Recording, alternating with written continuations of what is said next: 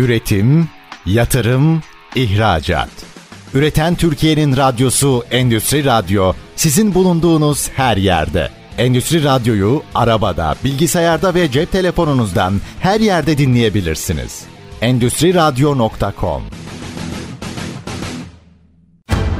Çetin Ünsal'ın hazırlayıp sunduğu Reel Piyasalar programı başlıyor.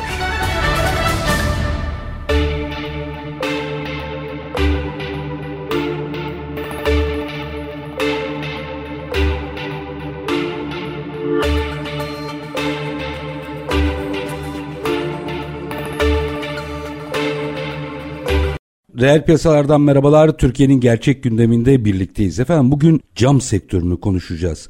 Cam işte şeffaf, kristal olmayan amorf bir katı olarak nitelendiriliyor. Nerede? Dünya çapında çeşitli endüstrilerde kullanılıyor. Sanayi ve Teknoloji Bakanlığı'nın cam sektörü raporu 2021'de. Şuna da atıfta bulunuyor. Onu da hatırlatmakta, geçmişini de hatırlamakta fayda var. Türkiye'de cam sanayi sektörü 1935 yılında Paşabahçe Fabrikası'nın kurulmasıyla başlıyor ve cam sanayi bugün birçok sektörde girdi veren temel sanayi alanlarından biri oluyor. Ne gördük? Son dönemde hep cam eşyaları gördük. Mesela cam kaplama cepheleri görmeye başladık. Gitgide hayatımızın her yerine girmeye başladı. Şöyle bir etrafınıza bakın, düşünün. Neredeyse camın hayatımızda olmadığı bir alan yok. E tabi bu kadar büyük bir hacim olunca birçok sektörde de kullanınca otomotivden inşaata kadar birçok sektörde de kullanılınca cam sektörüne şöyle bir bakmak gerekiyor. Ne durumda ne yaşanıyor hem teknolojik olarak hem maliyetler olarak hem piyasa yapısı olarak bunu konuşacağız. Manisa'ya dönüyoruz. Bugün konuğumuz Manisa'dan Öziş Cam Sanayi Şirket Müdürü Özkan Özsırma. Reel piyasaların konuğu. Sayın Özsırma yayınımıza hoş geldiniz efendim. Merhaba. Böyle ben biraz girizgah yaptım ama cam gerçekten bugün neredeyse her sektörde kullanılan ana girdilerden biri halinde. Biraz bu işin niye önemli, ekonomide niye yeri önemli meselesini sizin değerlendirmenizle açmak isterim. Daha sonra piyasayı konuşacağız. Cam niye önemli desem? Vallahi öncelikle herkese merhabalar diliyorum dinleyicilere. Yani beni program aldığınız için de ayrıyetten size teşekkür ediyorum. Estağfurullah. Buyurun. Valla cam gibi şeffaf ismi üstünde her taraf biliyor. Yani yediğimiz, içtiğimiz, eşyalardan kullandığımız, kapattığımız, kullandığımız arabalardan kullanılmayan bir yer yok. Gerçekten yeri çok önemli. Olmazsa olmazlardan biri. Ama teknolojinin getirdiğiyle beraber camın şu andaki çeşitliliği, ürün çeşitliliği gerçekten çok ileri düzeyde. Yani biz bile ayak uyduramıyoruz öyle söyleyeyim. Sektörün içinde olmanıza rağmen diyorsunuz bu gelişmeye yetişemiyorsunuz. Bizim son dönemde aslında en çok cam cephelerle tanıştık çok fazla aşina olduğumuz alanlardan biri. Biraz o konuda da aslında hani tam da yalıtımın konuşulduğu bu süreçte galiba oraya ayrıca mercek tutulması gerekiyor. Oradaki teknoloji de oldukça ileri noktaya geldi galiba değil mi?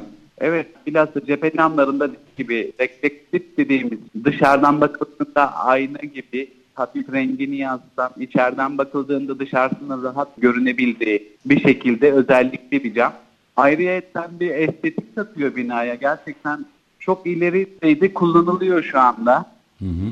Daha özellikli camlar var. Şişe camın ürettiği temperlenebilir konfor dediğimiz güneşin ışığını alıp ısısını içeriği rahatsız etmeyecek şekilde kısan camlar var. Şu anda onun üstüne yöneliyoruz. Kullanılmadığı yer yok daha doğrusu. Doğru. Şimdi bunu özellikle niye konuşarak başlamak istedim? Şimdi konuşacaklarımız aslında her sektörü ilgilendirdiği için bu boyutuyla başlamak istedim bir şey. Yani biz bugün bir cam piyasası konuşacağız, üretimini konuşacağız ama sadece bir sektör değil. Bu buradan malzeme alan, kullanan herkesi ilgilendiriyor. O yüzden hemen dönüp soruyu şöyle soruyorum. Madem hepimizi ilgilendiriyor, piyasada ne yaşanıyor? Hadi bize özetleyin. Allah piyasada camın geçtiğimiz dönemlerde bu Covid'de bahsedik. O dönemde tam genelde çok kısıtlı olarak piyasaya sürüldü iç piyasa olarak. Geneldeki üretilen camlar hep dışarı ihraç edildi. Yani iç piyasa gerçekten çok zorlandı ama çok şükür şu anda öyle bir sıkıntımız yok. Üretilen camlar sevkinde zamanında bize geliyor. Biz de üretip son kullanıcılara teslim ediyoruz. O zor günleri açtık diyeyim ben çok şükür. Biliyorsunuz Otomobilde de kullanılan hı hı. camlar var. Hatta büyük olmasa da biz de üretimini yapıyoruz o camların. Cephe camlarından kullanılan inşaat camlarına kadar bütün her şeyde Allah'ın izniyle biz de varız. Piyasada belli bir yerimiz var çok şükür bir şekilde devam ediyoruz. Ayrıca Çetin Bey ben şöyle izah edeyim. Yani ben 35-36 senemi doldurdum meslekte. Baba mesleği demeyeyim aslında dede mesleğini yürütüyoruz. Müthiş. İşin o boyutunu da konuşmak istiyorum kuşak meselesini ama bugünlerde sizin çok daha canınızı yakan noktalar var anladığım kadarıyla. Birkaç şeyi açalım. Bunlardan birincisi mesela otomotiv dediniz, inşaat dediniz. Her ikisinde de hacim düşüyor. Bunlar sizleri nasıl etkiliyor? Biraz orayı açarsanız sevinirim. Valla üretimle ilgili bir sıkıntı yok şu anda. Sadece girdi maliyetleri çok yüksek olduğu için en büyük canımızı sıkan, en büyük canımızı yakan olay o. Yani enerji maliyetleri çok yükseldi. Aşırı derecede yükseldi altından Allah'a çok şükür bir şekilde kalkıyoruz ama gerçekten zor. Hani enerji bilhassa enerji çok yüksek safhada. Ödediğimiz elektrik paraları gerçekten çok yüksek. Yani biliyorsunuz işçi maliyetleri arttı, sigortası var, yemeği var. Gerçekten çok zorlanıyoruz. Bütün arkadaşlarım adına ki büyük, büyük ihtimal hepsi de katılıyordur bana. En büyük sıkıntımız bu. Girdi maliyetleri. Orayı biraz açalım. Özellikle enerji sanıyorum kritik noktalardan biri. Cam neredeyse enerjinin durmaması gereken üretim evet. alanlarından biri. Biraz böyle nereden nereye geldiğini açar mısınız bize? Valla şöyle izah edeyim. Yani rakamsal olarak biz bundan bir sene öncesine, bir buçuk sene öncesine kadar aylık 70-80 bin lira gibi bir elektrik parası öderken şu anda ödediğimiz rakam 480 bin ile 500 bin lira arası kendimden sadece söylüyorum. Ki bizim esnafımızda daha yüksek çalışan firmalar 1 milyon 250, 1 milyon 400 bin lira gibi elektrik parası ödeyen arkadaşlarımız var. Hı hı. Ne yapıyorsunuz peki? Valla elektrik vazgeçilmezlerden biri olduğu için ister istemez ödüyoruz. Hı hı. Ne yapıyoruz derken ben bu konuda da devlet büyüklerinden destek bekliyorum. Gerçekten bütün bunu samimiyetimle söylüyorum. Gerçekten bu konuda bütün arkadaşlarım da muzdariptir. Sadece cam piyasası olarak konuşmuyorum ama. Hı hı. Bütün üreticiler için konuşuyorum. Yani küçücük bir telefon dükkanına bile gelen elektrik parası 2000-2500 liralardan bahsediyorlar. Ben piyasayı da arada geziyorum, arkadaşlarım var soruyorum. Gerçekten çok yüksek Çetin Bey. Peki Üstad bu yenilenebilir veya alternatif enerji kaynakları ile ilgili mesela fabrikalarda gündeminize alıyor musunuz? Bunları konuşuyor musunuz? Valla aslında biz onu da düşünmedik değil. Bu güneş enerjisinden faydalı kendi elektriğimizi üretelim kısmında ama onunla da ilgili aslında devlet büyüklerinden ben destek bekliyorum. Bazı firmalar bunu kullanıyor. Gerçekten de çok verimli olduğunu biliyorum ama bizim için geçerli değil. Yani şu anda ona ayıracak bir bütçemiz yok öyle söyleyeyim. Ama bunlar üstad şimdi hadi buradan başlayalım o zaman açılım yapalım. Şimdi bunlar kendi kendine ödeyen sistemler. Zaten ödediğiniz fatura düşüyor ama aradaki farkı ödüyorsunuz gibi bir durum var. Bu kadar stratejik sektörler enerjiyle ilgili sıkıntı yaşarken bu tip alternatifleri biraz daha fazla konuşması gerekmiyor mu? Evet yani aslında biz onun şeyini de yaptık, fizibilitesini de yaptık. Ama tabii istenilen rakamlar, istenilen peşinatlar şu anda kendimden pay biçiyorum. Ona ayıracak bütçem olmadığı için geri yani doğru söylüyorsunuz. Aylık ödediğinizde belki taksitini ödersiniz ama ilk istedikleri peşinatlar çok yüksek olduğu için ona ayıracak bir bütçe olmuyor. Bahsettim ya yani sigortası da elemanıdır. Şöyle bahsedeyim sadece benim yanımda 50 ile 100 kişi arasında çalışan bir insan var. En fikrim yine açacağım burayı. Diyelim ki 100 lira tabii 100 lirayı çok semboliksiz keşke diyeceksiniz şimdi ama 100 lira elektrik faturası ödüyorsunuz. Doğru mu? Evet. Evet. 100 lira ödemeye devam ederek bu sistemleri kurmak mümkün. Bunları araştırdınız mı? Yani ödediğimiz şu andaki elektrikli buna ayıracak gerçekten çok zor. Yani şu anda ben o işin altına giremem öyle söyleyeyim. Enteresan. Peki bence bu konuyla ilgili bir analiz yapın. Çünkü aynı faturayı ödüyorsunuz. Hem de sonsuza kadar ödeyeceksiniz daha artarak. Peki yine cam sektörüne gelirsek bu nasıl bir piyasa? Üreticisiyle e, sizin sizden önce gelen üretim, siz sizden sonra talep edenler nasıl bir işleyiş vardır piyasada? Biraz açar mısınız? Piyasayı anlatır mısınız? Tanımlar mısınız bize? Valla biraz önce aşağıdaydım. Bilgisayarın başındaydım. Şöyle bir göz gezdirdim. 2019 senesine indim. Yine rakamsal bir boyut vereceğim. Yani 2019 senesinin Ekim ayında 4 artı 4 klasik dediğimiz normal inşaatlarda kullanılan camın fiyatı 85 liraymış. 85 TL metrekaresi. Şu andaki o camın fiyatı 550 lira abi. Aradaki yani 2 sene 3 senelik bir seneden bahsediyoruz. Yükselmeyi siz buradan pay verebilirsiniz. 10 kat. Yok 10 değil ama 7 kat falan. Yanlış hatırlamıyorsam. Peki karlılık da aynı oranda artıyor mu? Karlılık aynı oranda artıyor. Tabii ki artıyor. Yani cirolardan bahsederseniz gerçekten cirolar da yüksek ama maliyetler çok ağır olduğu için aradaki kazandığınız para da işte ne bileyim asgari ücretin yükselmesidir, elektrik parasıdır, aldığınız malzemenin yükselmesidir, camı fiyatının girdisinin yükselmesidir. O da orada gidiyor. Yani kazanılan aslında aradaki kazanç öyle çok afaki bir şeyler olmuyor. Zaten öyle bir şey olmasa Allah korusun herkesin işi çok Elbette. zor olur. Ama ciro şişiyor diyorsunuz anladığım kadarıyla. Aynen ciro yükseliyor. Kazançlar hani yükseldi gözükse de aradaki artışlardan dolayı kazanç tekrar oraya geri dönüyor. Öyle söyleyeyim. Vadeler ne durumda? Vadeler bundan işte bir sene iki sene öncesine kadar 90 günle 120 günle bir şekilde dönüyorduk. Müşteriden de o şekilde tahsil ediyorduk. Ama şu andaki konuştuğumuz en çok alabileceğimiz 60 gün 75 gün ya da nakit ya da kredi kartı. Hı hı. Yani aslında kısıldı ama tabii bu iş hacmine yansımıştır. Doğru mu? Evet, evet. Yani çünkü camın alımı da ya nakit ya da en çok yani şişe camın listesi şu anda en yüksek vade 75 gün. Hmm, sizin e, 75 günde parayı döndürüyor olmanız lazım. Aynen 75 ama tabii siz bunu karşı tarafa lanse edemiyorsunuz. Bugün kim ödüyor ki 75 günde? Tabii ki alanlar var ama ya işte kaç senedir sizinle çalışan insanlar var. Ya benden 75 alma 90 gün 100 gün al ya da 120 gün alan insanları da kendinizden finanse ediyorsunuz. En büyük sıkıntı da aslında buradan da doğuyor. Finansman sıkıntısı bu aradaki farktan mı kaynaklanıyor piyasalarda? Bence büyük ihtimal ondan. Yani aslında herkes bir şekilde üretim yapacak parayı buluyor ama sattığında aradaki finansman zorluyor galiba. Evet aynen dediğiniz gibi adam bu sefer kenarındaki ya da işte kenara koyduğu kötü günler için koyduğu parayı buralara yani o müşteriyi kaybetmeme adına harcıyor. Peki burada müşteriye mesela müşteri peşin vermiyor mu bu işi sizden alan? Alanın vadilerine mesela onu da merak ettim şimdi. Sizden 90 alıyor da uygulamayı yaptıktan sonra o da mı vadeli yapıyor?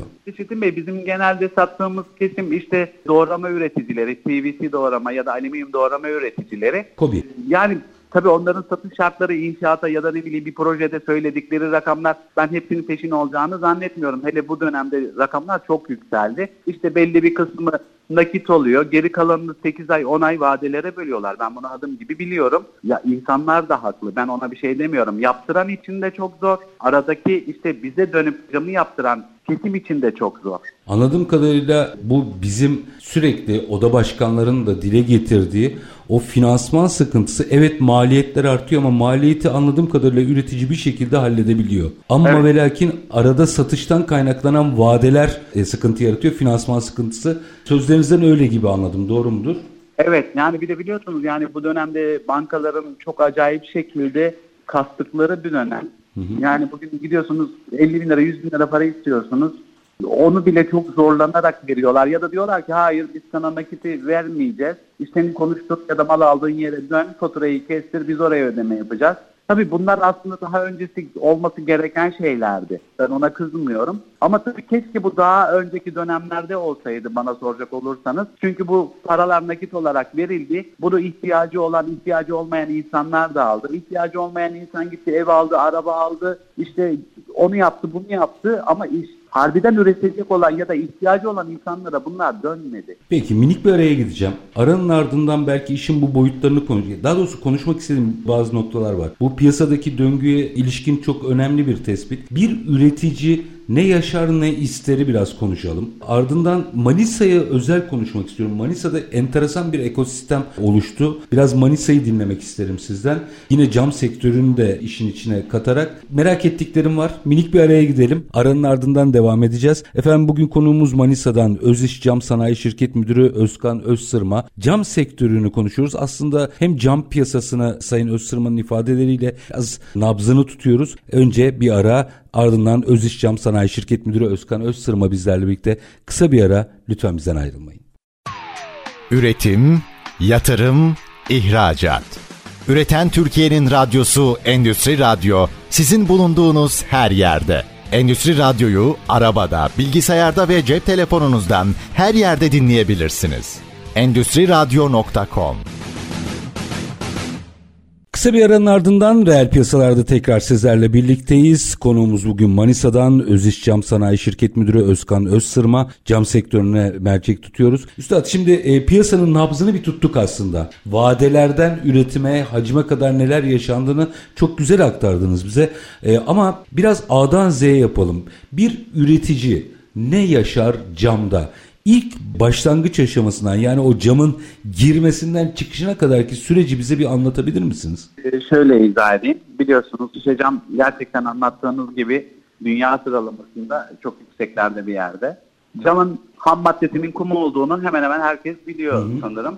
İşte e, kumla sodanın birleşmesiyle yaklaşık hattın bir kilometre gibi falan bir uzunluğu var. Cam buradan şeffaf kazanlar içinde yüzdürülerek sonucunda çıkan şeffaf dediğimiz gibi çok güzel bir madde. Size geldi. Sonra? Bize, bize sevkiyatla geldiği zaman tırlarla geliyor tabii ki cam. İndirdikten sonra biz de müşterinin verdiği ölçülere göre, ürün çeşitliliğine göre, istediği özelliğe göre biz de elimizden geldiği kadar dikkatli bir şekilde üretmeye çalışıyoruz. Ben Bahsettim 35-36 senemi doldurdum. Yani biz ilk başladığımızda ben 86 senesinde okulu bırakıp da ilk babam rahmetlinin yanında başladığımda Allah normalde böyle ısı camlar falan yoktu. 4 milim düz cam bile yoktu. 3 milim olarak gelirdi camlar.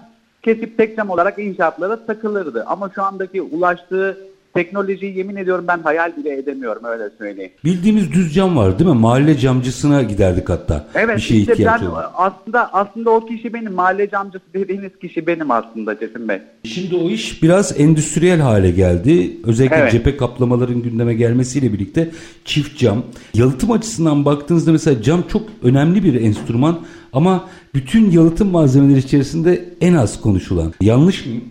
Yo doğru söylüyorsunuz. Yani dediğiniz gibi ısı cam dediğimiz olay iki tane şeffaf camın aradaki boşluk sayesinde oradaki kuru hava var biliyorsunuz. Bazı arkadaşlar bazı insanlar o işte içindeki havayı nasıl alıyorsunuz diye hep genelde sorarlar. İçinde hava almak diye bir durum yok. İki camın arasında çıtaların arasında bulunan nem alıcılar sayesinde iki camın arasındaki o anki nem alınıyor. O çıtaların içindeki nem alıcılar tarafından. Sonra kuru hava kalıyor bir şeyin içinden havayı alırsanız iki cam zaten birbirine yapışır. Şöyle baktığınızda mesela yalıtım çok konuşuluyor. Yalıtım kredileri vesaire gündeme geldi. Bu yalıtım kredilerini kullanarak bir sonraki yani müşterinizden bahsediyorum ben. Müşterinizde iş hacminde bir genişleme var mı? İnsanlar camlarını, cephelerini değiştirmeye başladılar mı? Yoksa hala duruyor mu herkes? Yok hayır dediğiniz gibi sektörde gerçekten aslında insanlarımız da çok bilinçlenmeye başladı. Burada bir proje geldiği zaman adam anlatıyor diyor ki ben şundan rahatsız oluyorum diyor. Şişe camın öyle çok ürettiği, öyle ürettiği çok camlar var ki her özelliğe, her istediğin yani müşterinin istediği şekle göre ürettiği işte adam diyor ki ben güneşin işte şu kadar girmesini istiyorum. İşte gün ışığının bu kadar girmesini istiyorum.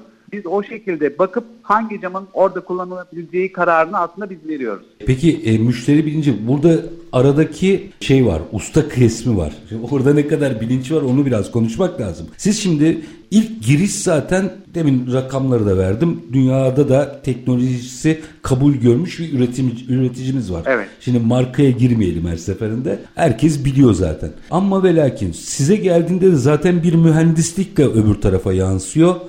Sonra camın uygulama aşamasında baktığınızda oradaki personel yeterli mi? Aslında en büyük sıkıntılarımızdan bir tanesi de yetiştirilme kısmında eleman sıkıntımız. Yani aslında bizim aslında bir okulumuz olsa bence daha iyi olur. Hayır, biz eskiden geldiğimiz için yanımıza yetişen arkadaşlar gerçekten bu konuda çok bilgililer. Ama yeni gelen kesim için adam ne kadar üniversite bitirmiş olursa olsun ürettiğimiz madde çok tehlikeli olduğu için ayrıyeten ona ayrı bir ders vermek gerekiyor. Yani eleman konusunda gerçekten çok zorlanıyoruz öyle söyleyeyim. Yani biz bütün makinaları kullandığımız için camın nevini bildiğimiz için aslında bizim için o kadar zor değil. Ama yeni başlayacak olan bir arkadaşın camdan hiç anlamayan bir arkadaş için işi çok zor öyle söyleyeyim. Öğrenmek mi istemiyorlar yoksa şey mi yok? Öğrenecek kimse mi yok? Sektöre ya öğren, giriş mi yok yani? Öğrenmek isteyen kesim ayrı. Zaten gelip de burada başvuru olduğunda biz onu kendimizde tespit ediyoruz. Gelen arkadaşları zaten ben şu anda gelenler genelde Allah razı olsun hep okumuş insanlar. Anlatmak daha kolay oluyor. Ama çok tehlikeli bir işimiz olduğu için insanlara ister istemez zaten cam içinden birazcık uzak duruyorlar öyle söyleyeyim. Usta çırak ilişkisi devam ediyor mu hala? Tabii ki var. Aynen. Yani hala öğretecek ustalarımız var anladığım kadarıyla. Tabii ki tabii ki yani aynen. Tabii e, sizde olabilir o sektörü merak ettim. Yani sektörde böyle bir sıkıntı yok anladığım kadarıyla. Sektörde yetişmiş insan sıkıntısı çok. Bir de tabii cam olarak baktığımızda birinin yanında iyi bir eleman varsa öbür firma hemen ona atlıyor. İşte 3 liraysa gel ben sana 5 lira vereyim. Aslında en büyük yaşadığım sıkıntılardan bir tanesi de bu. Eleman çalma mı var? Aynen aynen. Yani en büyük sıkıntılardan aslında biri de bu bizim yaşadığımız.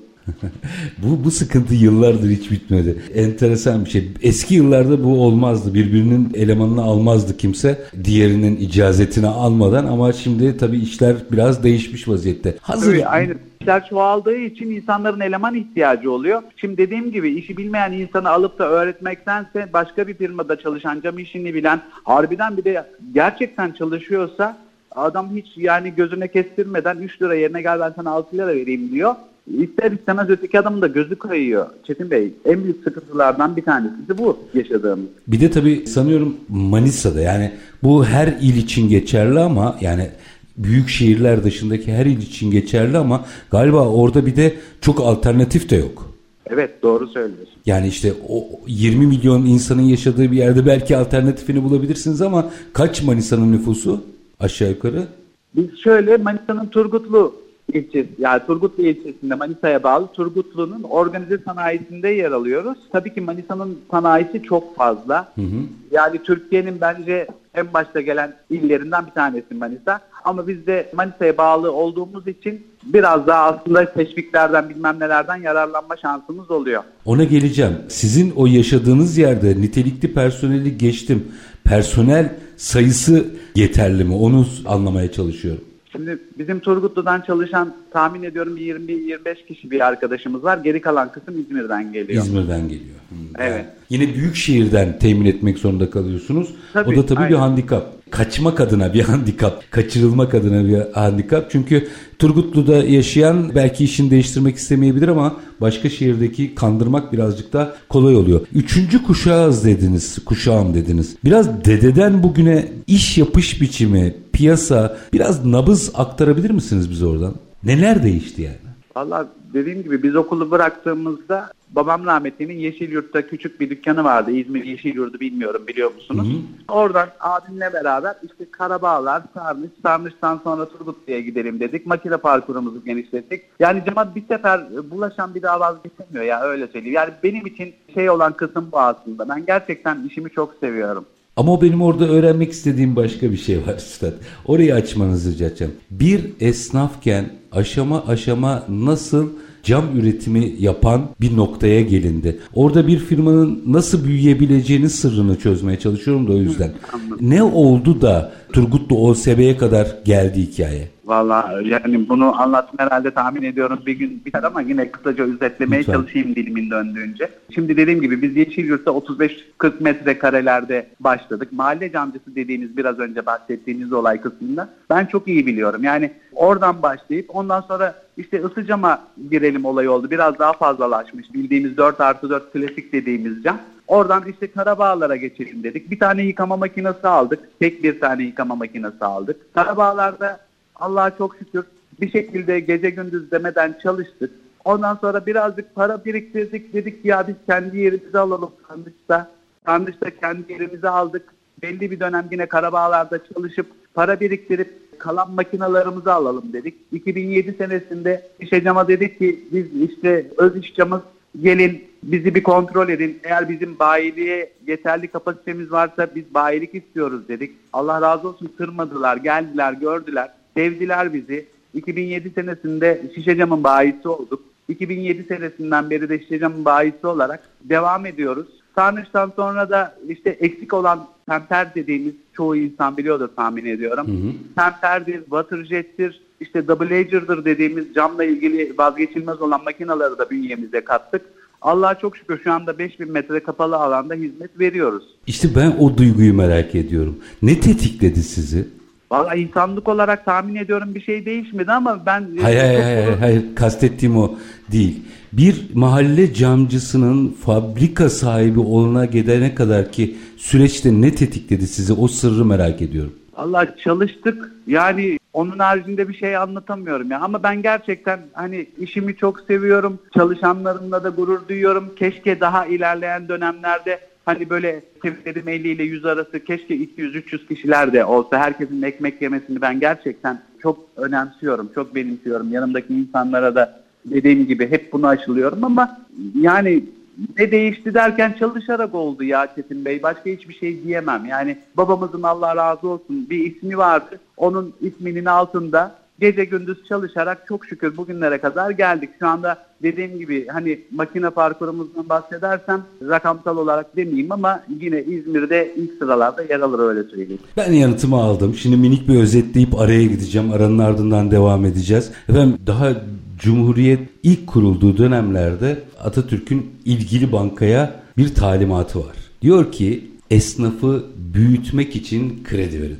Çünkü bizim büyük işletmelere ihtiyacımız var. Bakın aslında Sayın Özsırman'ın hikayesinde bunu görüyorsunuz. Demek ki doğru yapılanma, işe sahip çıkma ve doğru mekanizmalarla piyasada yer aldığınızda o küçük esnafın fabrik haline gelmesi mümkün canlı şahidi. O yüzden süreci ısrarla kendisinden almaya çalıştım.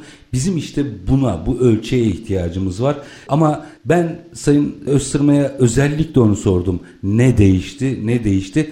Ne değişti bilmiyorum. Ama değişmeyen bir şey anladığım kadarıyla bir mesleği çok sevmek, hakkını vermek, girişimci olmak ve temiz bir soyadı. Şimdi bu minik bir araya gideceğim. Aranın ardından yine biraz piyasayı konuşmaya devam edeceğiz. Ama önce bir ara ardından Öz İş Cam Sanayi Şirket Müdürü Özkan Özsırma bizlerle birlikte kısa bir ara lütfen bizden ayrılmayın. Üretim, yatırım, ihracat. Üreten Türkiye'nin radyosu Endüstri Radyo sizin bulunduğunuz her yerde. Endüstri Radyo'yu arabada, bilgisayarda ve cep telefonunuzdan her yerde dinleyebilirsiniz. Endüstri Radyo.com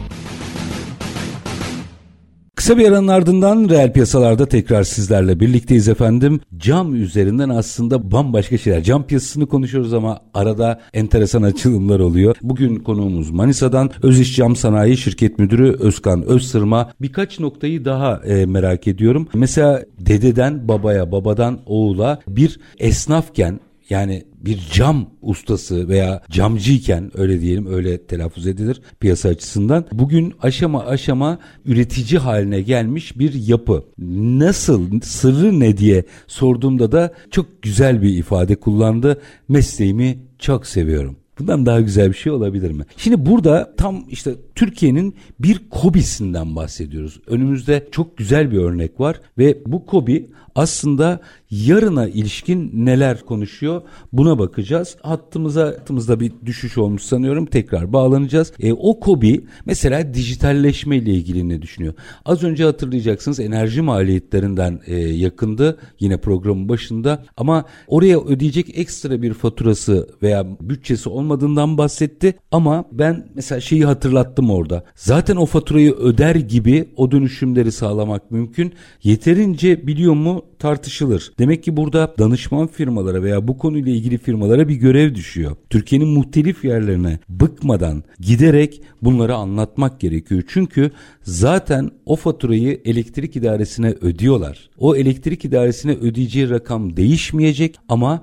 yenilenebilir yatırımı yapabilecek veya enerji verimliliğini arttıracak bir iş yapabilecek. Bu e, Manisa'dan bu örnek önümüzde çok güzel geldi. Şimdi birazcık daha belki yarının ekonomisine ilişkin konuşmak gerekiyor. Öz İşcam Sanayi Şirket Müdürü Özkan Özsırma tekrar telefon attığımıza Sayın Özsırma tekrar hoş geldiniz. Merhaba, hoş bulduk Çetin Bey. Teşekkür ederim. Üstad, sizin üzerinizden biraz dedikodu yaptım ben siz bağlanana kadar. Şimdi aşama aşama aslında büyüyen bir Kobi'nin ne noktaya geldiğini, nereye gitmek istediğini de çok net görüyoruz. O zaman biz burada hep uzmanlarla konuşuyoruz. İşte enerji verimliliği diyoruz. Bakın sizden hemen sağlamasını yaptım. Vadeler diyoruz, sağlamasını yaptım. Birçok şeyin sağlamasını yaptık burada konuştuğumuz uzmanlarla. Ee, biraz bizim ukalalığımızda böyle büyük büyük laflar ederek. gerçek bu. Sahadakinin ne yaşadığı çok kıymetli. O yüzden sizin mesela şu konuyla ilgili bakış açınızı da merak ediyorum. Herkes bir dijitalleşmeden, yeni ekonomiden bahsediyor. Sağdaki üretici bu konuda ne konuşuyor, ne düşünüyor? Hadi bu konuyla ilgili görüşünüzü de bana e, benimle paylaşın lütfen. Şimdi şöyle arz etmek istiyorum. Yine dilimin döndüğünce anlatayım. Gerçekten ilerleyen dönemlerde ben ileriyi göremiyorum. Yani o bahsettiğim yıllardan bu yıllara gelen aradaki farkı görüp de bundan sonraki gittiği noktada ben gerçekten hemfikir değilim. Bir açıklama yapmakta gerçekten çok zorlanırım. Ama daha iyi olacak, daha güzel olacak diye düşünüyorum. Yani dijitalleşme gerçekten günümüzde çok önemli bir yer alıyor herkesin ayak uydurması gerekiyor. Ama gerçekten dediğim gibi ayak uyduranlara yol açık gibi gözüküyor. Ama ayak uyduramayanlara gerçekten yolun çok zor olduğunu söyleyebilirim. Siz ne yapıyorsunuz mesela dijitalleşme adına?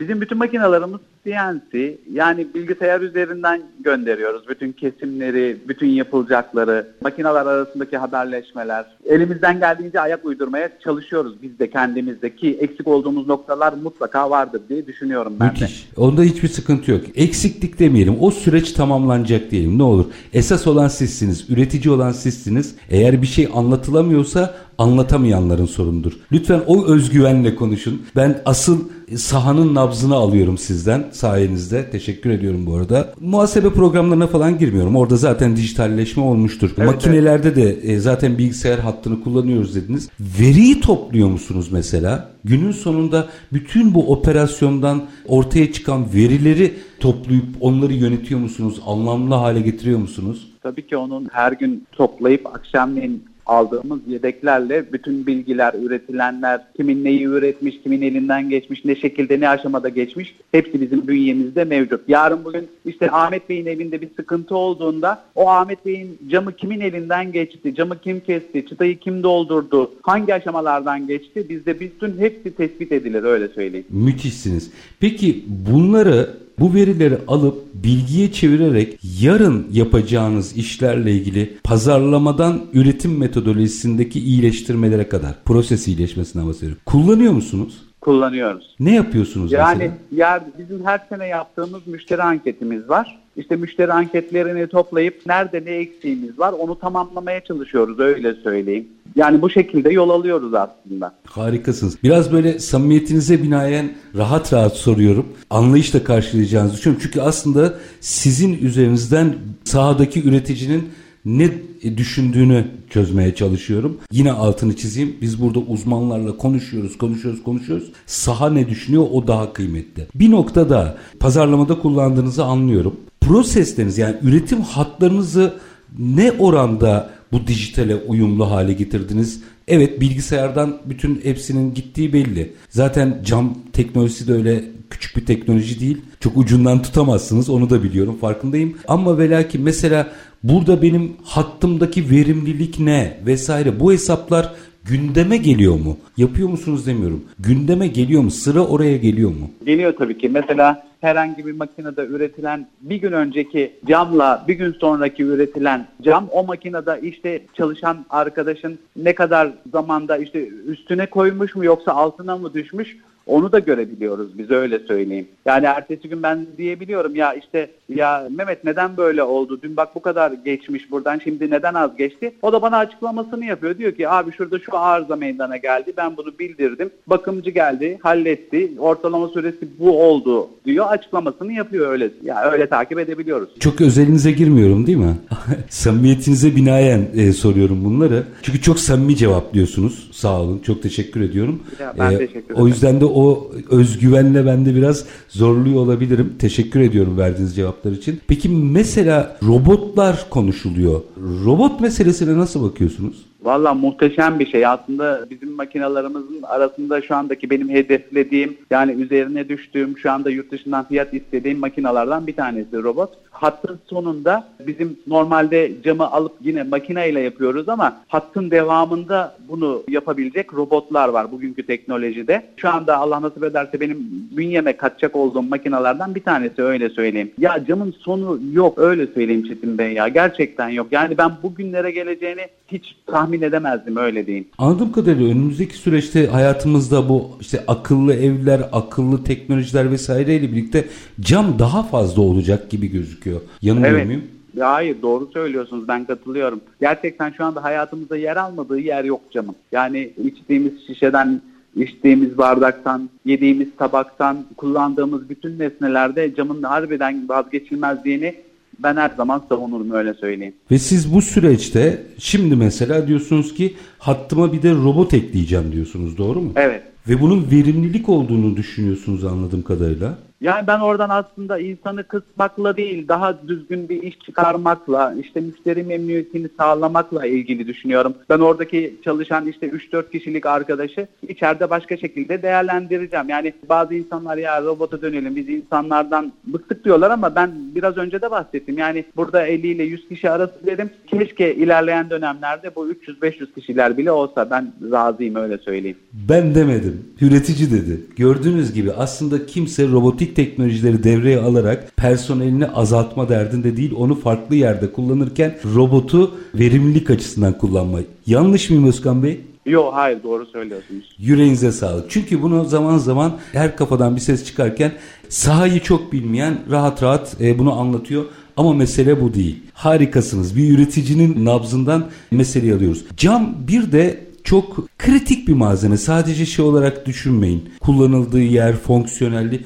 Fire ihtimali çok yüksek. Bir üretici olarak o fire meselesini nasıl yönetiyorsunuz? Fire dediğim gibi hani şeyden bahsettik. Kırılmaya çok müsait bir şey de o yüzden. Evet evet teknolojiden bahsettik. Biz bunu bilgisayara ölçüleri giriyoruz. En az şekilde fire verecek şekilde bilgisayar onu optimize ediyor.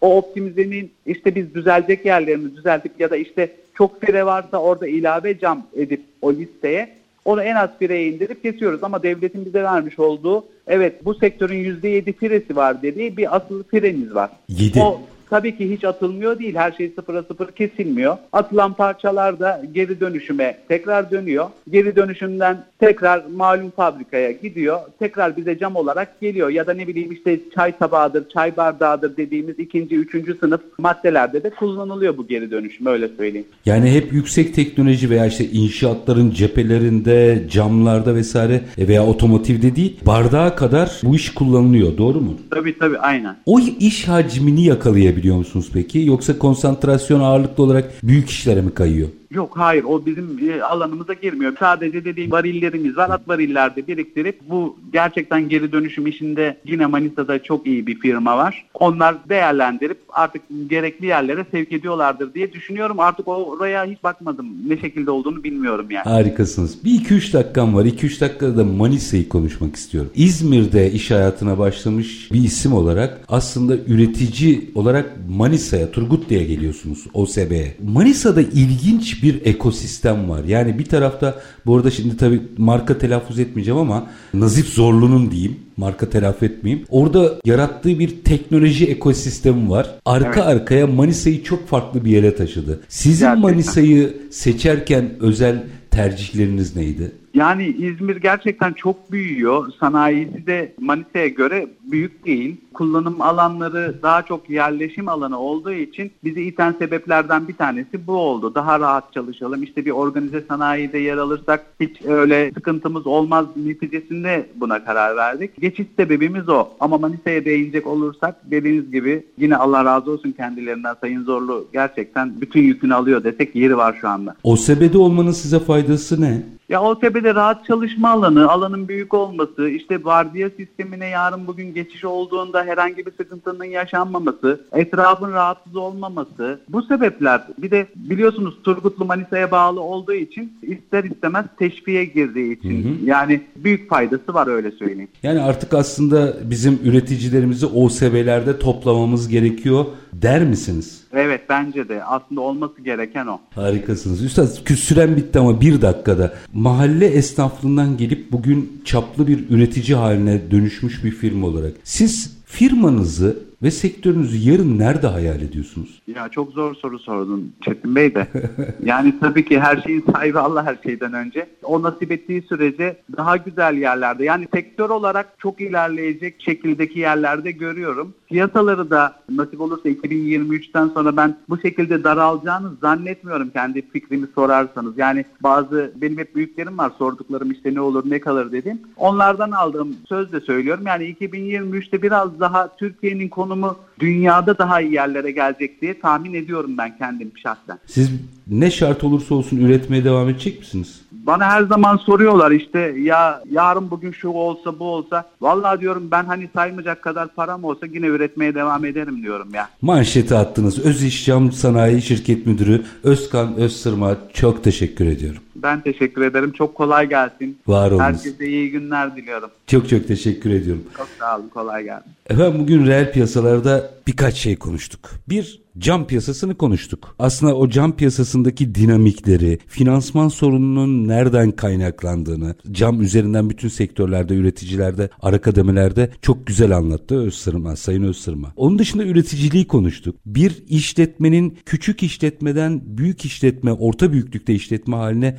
nasıl gelebileceğini konuştuk. Ne olursa olsun üretme duygusunun ölmeyeceğini konuştuk. Ama tüm bunları konuşurken bizim burada uzmanlarla konuştuğumuz dijitalleşme, verimlilik, enerji verimliliği, robot sahadan gerçekleşmesini dinlediniz. Bugün konuğumuz Manisa'dan Öz Cam Sanayi Şirket Müdürü Özkan Özsırma'ydı. Her şey teori, o gerçek. Biz her zamanki gibi bitirelim. Şartlar ne olursa olsun paranızı ticarete, üretime yatırmaktan, işinizi layıkıyla yapmaktan ama en önemlisi vatandaş olup hakkınızı aramaktan vazgeçmeyin. Hoşçakalın efendim.